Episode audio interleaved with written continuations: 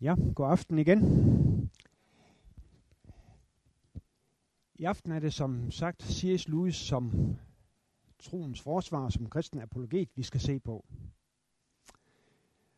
Og det vil sige, at mens vi første aften fik en slags, eller prøvede at etablere en slags ramme, øh, overblik over C.S. Lewis' liv og forfatterskab, og i mandag så på lidelsens problem, som jo også er en del af eller bogen The Problem of Pain, er en del af Lewis' apologetiske forfatterskab, og så på hans anfægtelse med hensyn til Guds kærlighed, da Joy døde, så er det altså Lewis' apologetik, hans trosforsvar, som vi skal se på i aften. Og, og, og det har været min egen tilgang til C.S. Lewis. Jeg har ikke fået øh, Narnia-bøgerne læst op, da jeg var barn.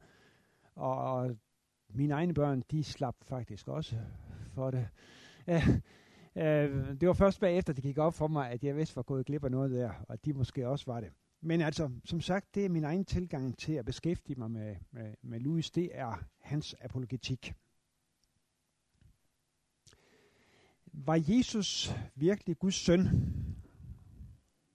Hvordan kan Gud være god og almægtig, når der findes lidelse i verden? Sådan øh, spørgsmål og indvendinger er kristne i hele kirkens historie blevet præsenteret for. Og lige så længe har der også været mennesker, der har set det som deres opgave at forsvare den kristne tro mod den slags indvendinger, som jo ikke mindst er af intellektuel art. Den slags forsvar af kristentroen kalder man med et fagudtryk for apologeter. Og en af de betydeligste apologeter i det 20. århundrede var givetvis C.S. Lewis. Uh, hvis kristendommen ikke er sand, er den totalt ligegyldig. Også selvom den kan være til en vis personlig eller samfundsmæssig nytte. Hvis kristendommen derimod er sand, er den af uendelig betydning. Sådan udtrykker Louis sig i en artikel, Christian Apologetics, fra 1945, som er det skrift, hvor Louis mest omfattende giver udtryk for sine principielle og praktiske synspunkter på apologetik. Som vi har været inde på, så blev Louis i en ret sen alder, en alder af 33 år, overbevist om, at kristendommen er sand i alle dens grundlæggende udsagn om Gud, mennesket og verden. Og fra da af, der skyder han ingen anstrengelse for at søge at påvise dette. Selve hans personlige erfaring af, at forvrængede tankemønstre kan stille sig hindrende i vejen for kristendommen, øh, blev, væsentlig, en, blev et væsentligt motiv for Louis' apologetiske virksomhed. Og også den kultursituation, som han befandt sig i, gjorde efter Louis' opfattelse en apologetisk indsats påkrævet. Og Louis han var en ivrig og veloplagt kampivrig forsvarer for kristendommen. Til synligheden var han ikke bange for noget som helst. Og baggrunden for den her frimodighed var ikke mindst, som vi skal komme tilbage til, at han var overbevist om, at kristendommen har virkeligheden på sin side. At en person med Louis' intellektuelle kapacitet hævder noget sådan, og gjorde sig ihærdige anstrengelser for at påvise det på konkrete felter, vagte stor opmærksomhed. Louis han imødekom dermed utvivlsomt i sin samtid et stort behov for argumenter i en tid, der var præget af en materialistisk, ateistisk øh, verdensanskuelse. Science fiction forfatteren H.G. Wells og forfatteren, nej ikke forfatteren, jo det var han også, men han var primært øh, øh verdensberømt filosof Bertrand Russell, øh, de blev nævnt som to af dem, der ligesom er repræsentanter for øh, den ateistiske øh, tilværelsesforståelse i hele Lewis' periode, altså H.G. Wells og Bertrand Russell. Og Lewis' anstrengelser har haft en påfaldende effekt. Ingen i det 20. århundrede, i alle tilfælde i den engelsktalende verden, har haft større synlig succes med at forsvare kristendommen, end Lewis har. Og det er jo egentlig ret bemærkelsesværdigt i og med, at det var en fritidsbeskæftigelse for Louis. Han var jo fuldt optaget med at være universitetslærer som sit, øh, øh, sit erhverv. Men øh, mennesker, ikke mindst intellektuelle, har i tusindvis givet udtryk for, at de skylder Louis' bøger, at de er blevet ført til tro, eller at de er blevet fastholdt i klassisk kristen tro.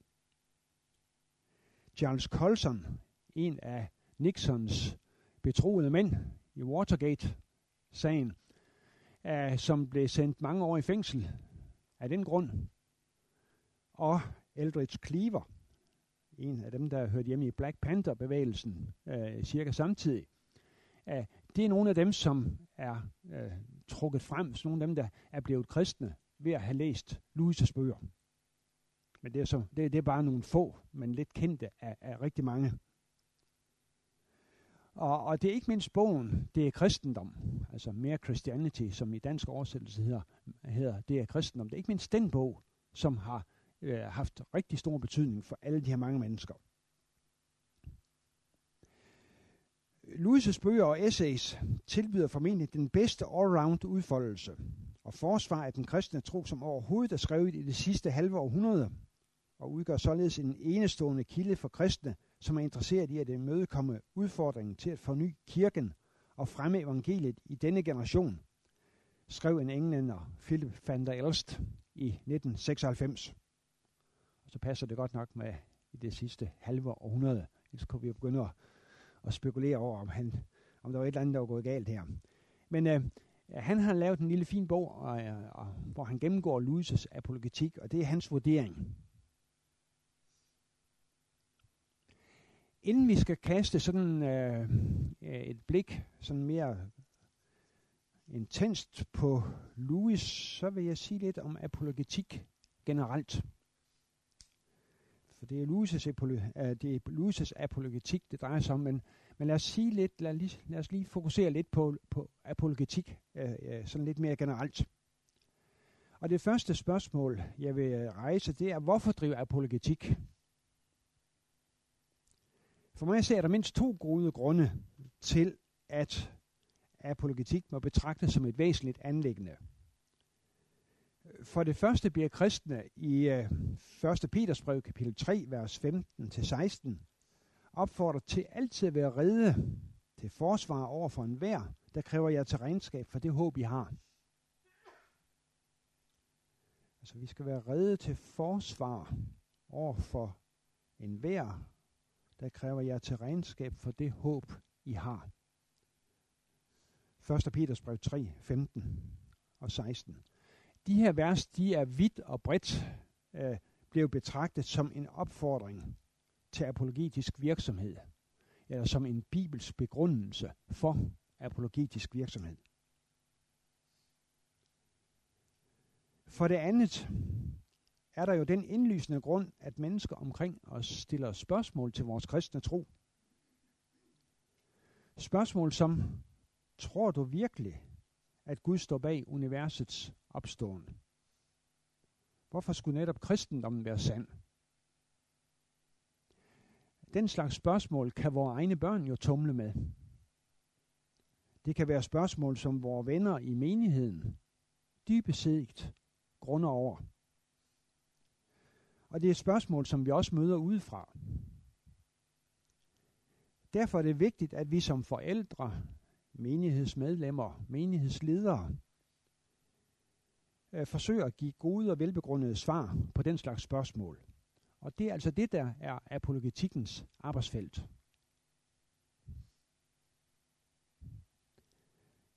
Kan og skal vi drive apologetik?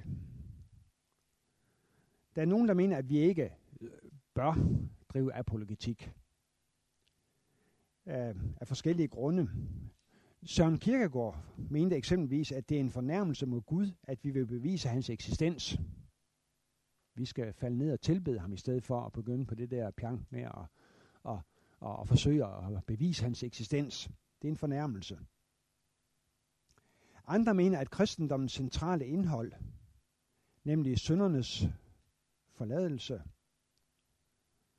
øh, at det ligger på et plan, hvor apologetik ikke giver nogen mening og er der andre vil mene, at vi skal tro det, vi nu engang tror, uafhængig af, om det er fornuftigt eller virkelighedsnært eller ej.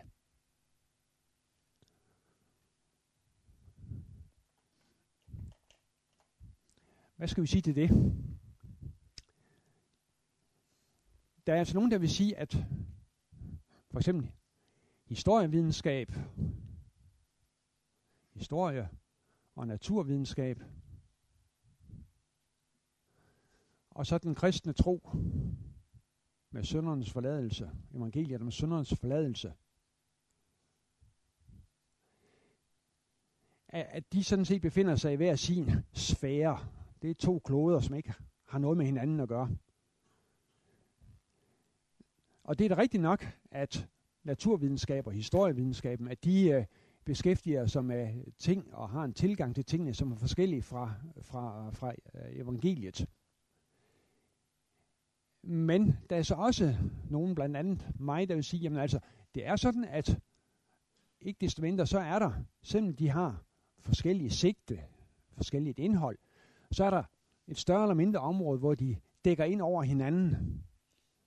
Hvor kristendommen, Bibelen og så natur- og historievidenskab, de udtaler sig om det samme felt. Og her er så altså virkelig overensstemmelse, og også virkelig modsætning mulig. Og det er ikke mindst her, at det giver mening at drive kristen apologetik. Man kan også øh, se det fra en anden vinkel. Man kan sige, at det er en og samme virkelighed, vi beskæftiger os med. Der er kun én virkelighed. Den kan man så beskæftige sig med indefra med naturvidenskab. Se på virkeligheden indefra med empirisk naturvidenskab og historievidenskab osv. Og så har vi et budskab om den samme virkelighed fra Gud. Det er den samme virkelighed, der, der, der er talt om og talt til. Men vi har altså to kilder til viden om den virkelighed. Og så er spørgsmålet, hvordan hænger de to ting sammen? Og det vi læser i Bibelen, det er her det, det er det, det drejer sig om, ikke mindst. Og det vi kan læse, når vi læser i naturens og historiens bog, er i hvilken øh, grad hænger de sammen, stemmer de overens, harmonerer de. Øh, og vi er jo mennesker her i verden, ikke mindst os, som der er, der er kristne, at vi har, vi tager begge ting alvorligt. Og der, hvor de så ikke stemmer helt overens, eller til synligheden ikke stemmer overens, der er det så, at politikken må ind og, og overveje, hænger det sammen? Gør det ikke? Hvordan kan vi forklare de tilsyneladende modsigelser? Så altså kan og skal vi drive apologetik? Det er der nogen, der siger, det skal vi ikke. Andre vil sige, det kan vi ikke. Og jeg vil sige, vi kan ikke komme udenom. Apologetikkens ambitionsniveau er en anden ting, som der ikke er helt enighed om blandt apologeter. Øh, hvor langt er det muligt at komme i retning af at kunne bevise kristendommens sandhed, den, at den er logisk og at den er virkelighedsnær? Jeg har faktisk læst en hel del velrenommerede amerikanske apologeter, ikke mindst, som til synligheden mener, at de langt på vej kan bevise, bevise kristendommens sandhed. De fleste apologeter vil imidlertid efter mit skøn indskrænke sig til at sige, at der kan gives gode grunde, der kan gives indicier for, at kristendommen er sand på dette felt og dette felt og dette felt. Øh, og derfor er der også mange bøger, apologetikbøger, der, der, har en, der hedder noget i retning af med god grund. Der kan gives en god grund. Vi skal på onsdag have en gæsteforelæsning her øh, på MF, øh, onsdag formiddag og onsdag eftermiddag, med en svensk, meget dygtig apologet. Og han har udgivet en bog for nogle år siden, der netop hed Med god grund.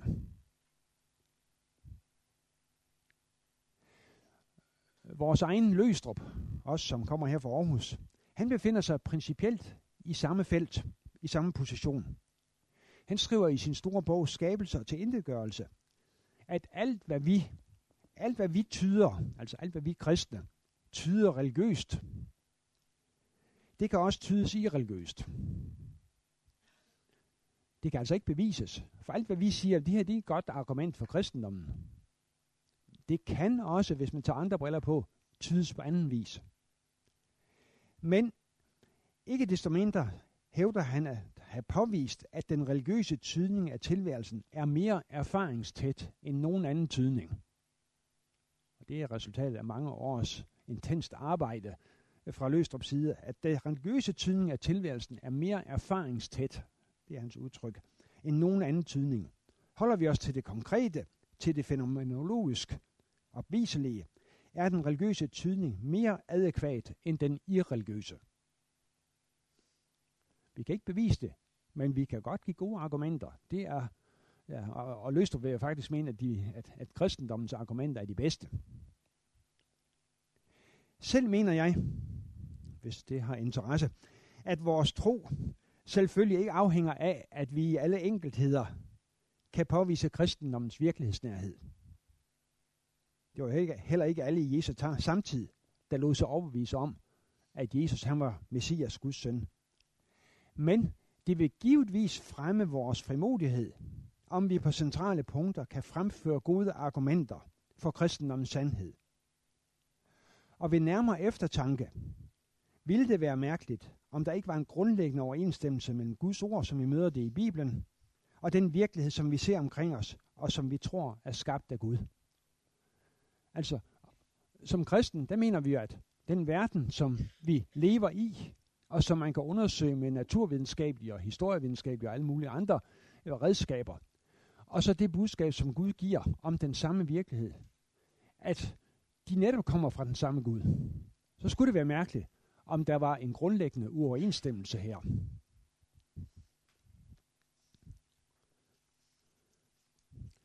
Og for min egen del finder jeg, at den virkelighed, præget af, ska- af skabthed og syndefald, som vi finder præsenteret i Bibelen, harmonerer særdeles godt med den virkelighed, som jeg kan jagtage i verden omkring mig, i mine medmennesker og i mig selv.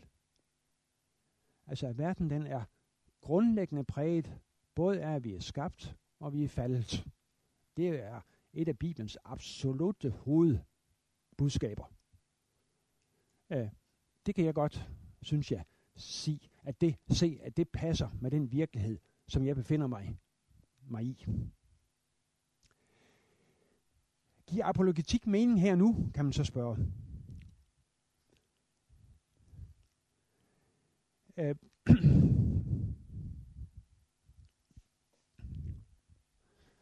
ser historiens linje her, så er der nogle øh, punkter, vi skal have med.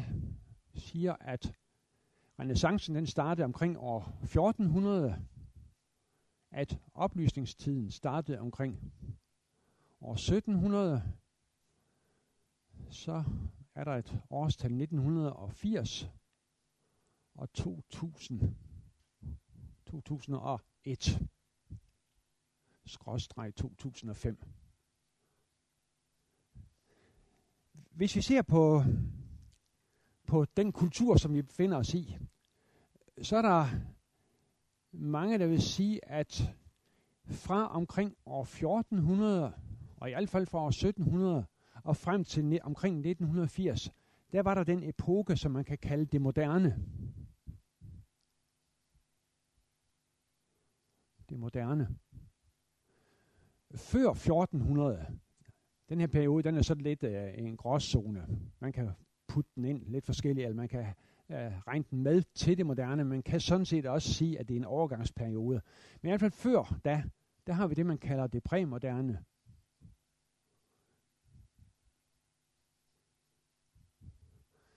Og så her fra 1980 af, der taler mange om det postmoderne.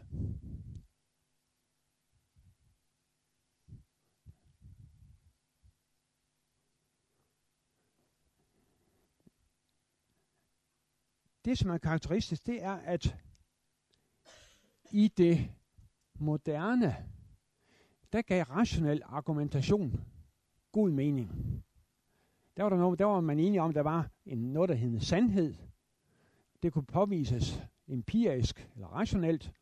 Uh, det man så var lidt uenig om, eller meget uenig om, det var, der, hvad den sandhed bestod i. Men fra 1980 af, der, der, der ændrede man, øh, der, der, der, der skete der et skifte i kulturen, sådan at rationel argumentation og tanken om, at der er én sandhed, vi kan diskutere, hvad den består i, men der er én sandhed, den blev ligesom, øh, den, den kom lidt i skammekrogen. Og om ikke før så her, så, var man, så blev man vældig relativistiske.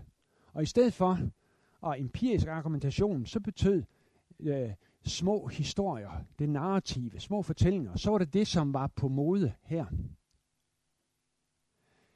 Så er der dem, der vil sige, at omkring ah, ja, at 11. september 2001, der skete der en ny ændring i vores kultursituation. Sådan at det moderne ophørte, og man går over i, ja, det postmoderne ophørte, og man går over i en ny periode, det post-postmoderne, eller det senmoderne, eller hvad man vil kalde det. Nogle siger og kalder allerede det her for det senmoderne.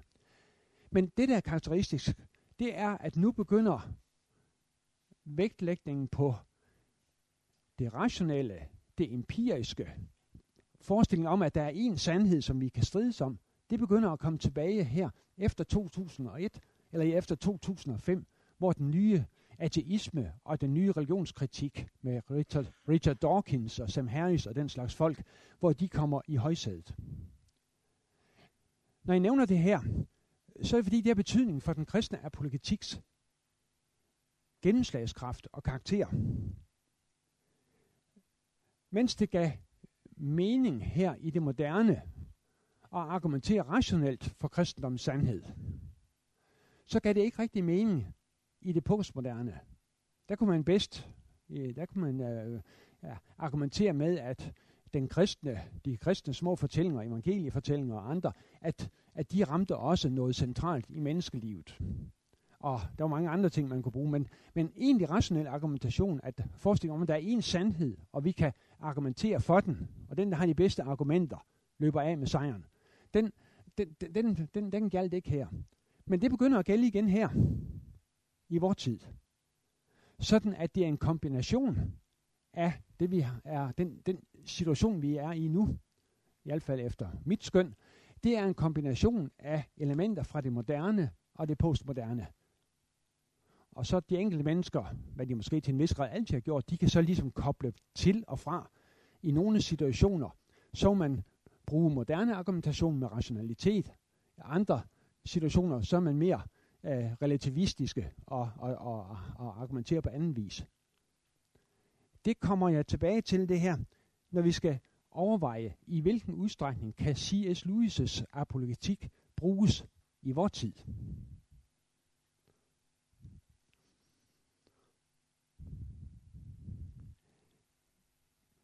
Så vil jeg bare lige nævne her, øh, at der også er øh, forskellige sondringer inden for apologetik og apologetisk virksomhed.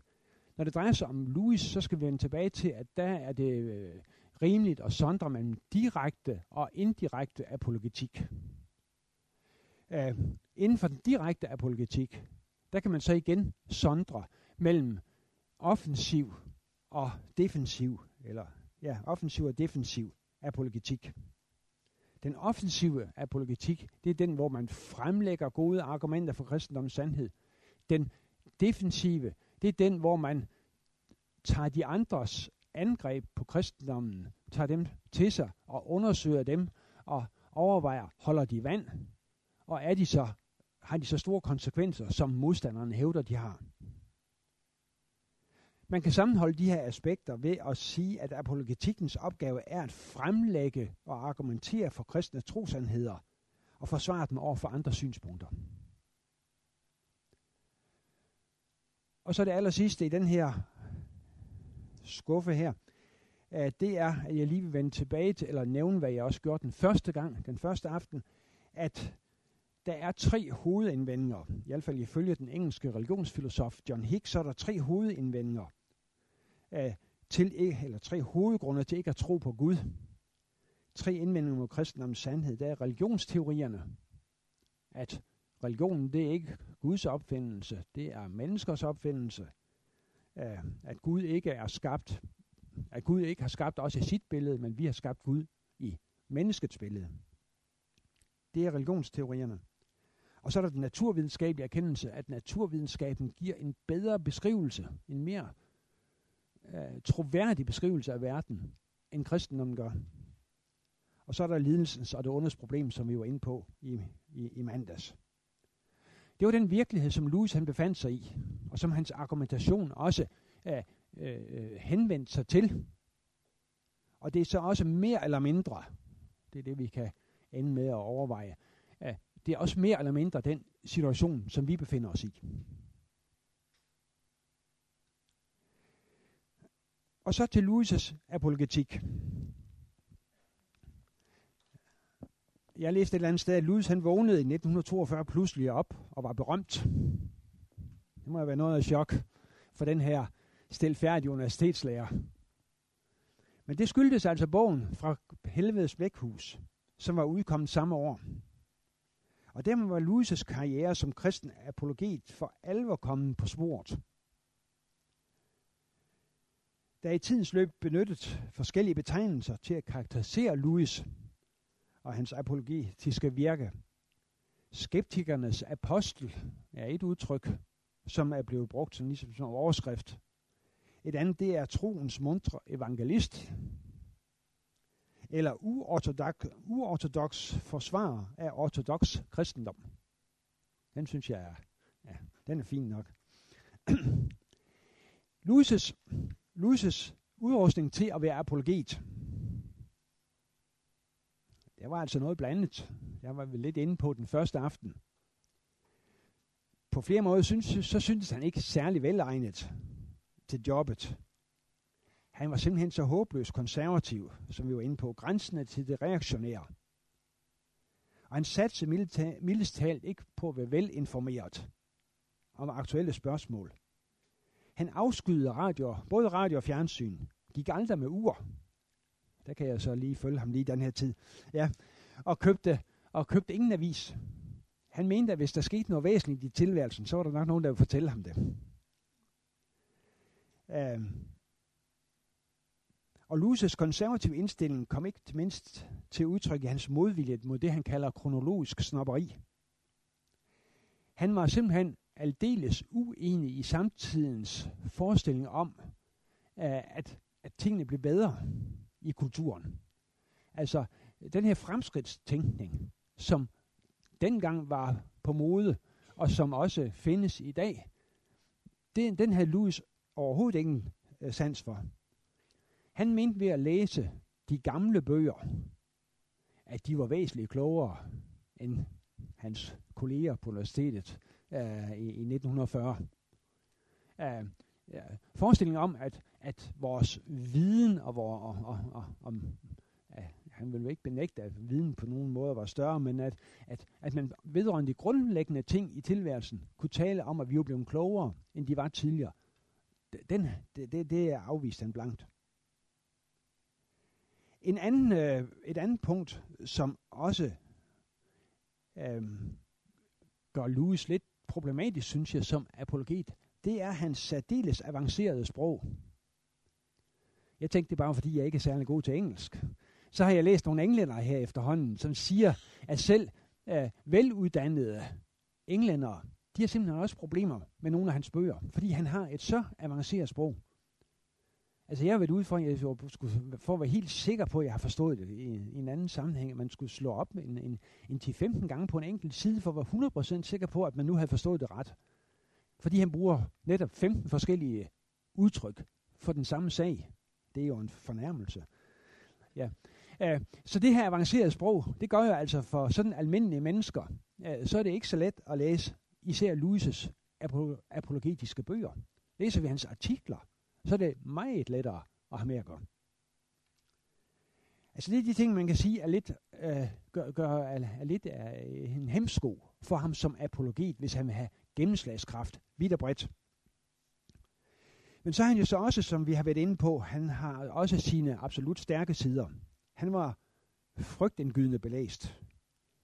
Ifølge Walter Huber havde han læst alt af blot rimelig kvalitet, lige fra de græske og romerske klassikere den italienske, franske og tyske litteratur, og simpelthen al engelsk litteratur. Og han havde en fantastisk hukommelse. Desuden havde han en frugtbar fantasi, evnen til at formulere sig præcist, både mundtligt og skriftligt, og en stor arbejdskapacitet. Hvad angår dansk litteratur, var det dog kun stort set kun Søren Kierkegaard og H.C. Andersen, som Louis havde læst. Og mens han ikke brød sig om Kierkegaard, var han en stor beundrer af H.C. Andersen. Det kan man jo egentlig godt forstå. Ja, det ligger lige, det ligger lige for. Ja, og det fortæller sovnepræst Jørgen Larsen i en artikel i Kristi Dagblad, øh, efter at han i 1948 havde besøgt Louis i Oxford. Hvis vi skal se lidt på facetter, facetter ved Louis' kristendomsforsvar,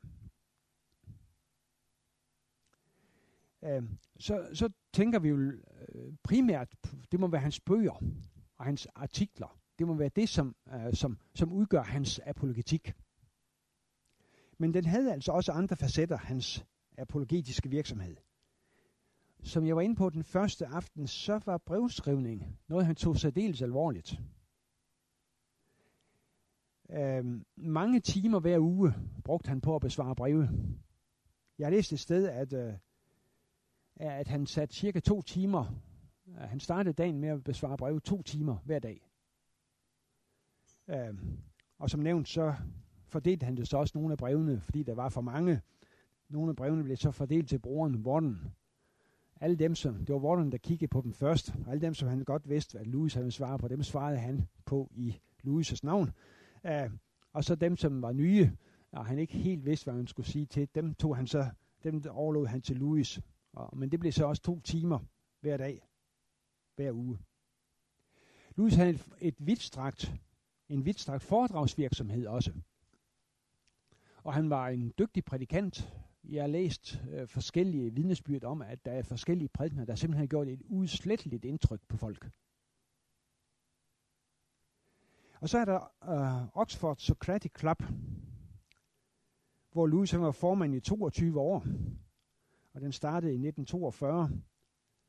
Og hvor, det er sådan lige en, en finurlighed, at blandt andet Dorothy Sayers, hun var medlem.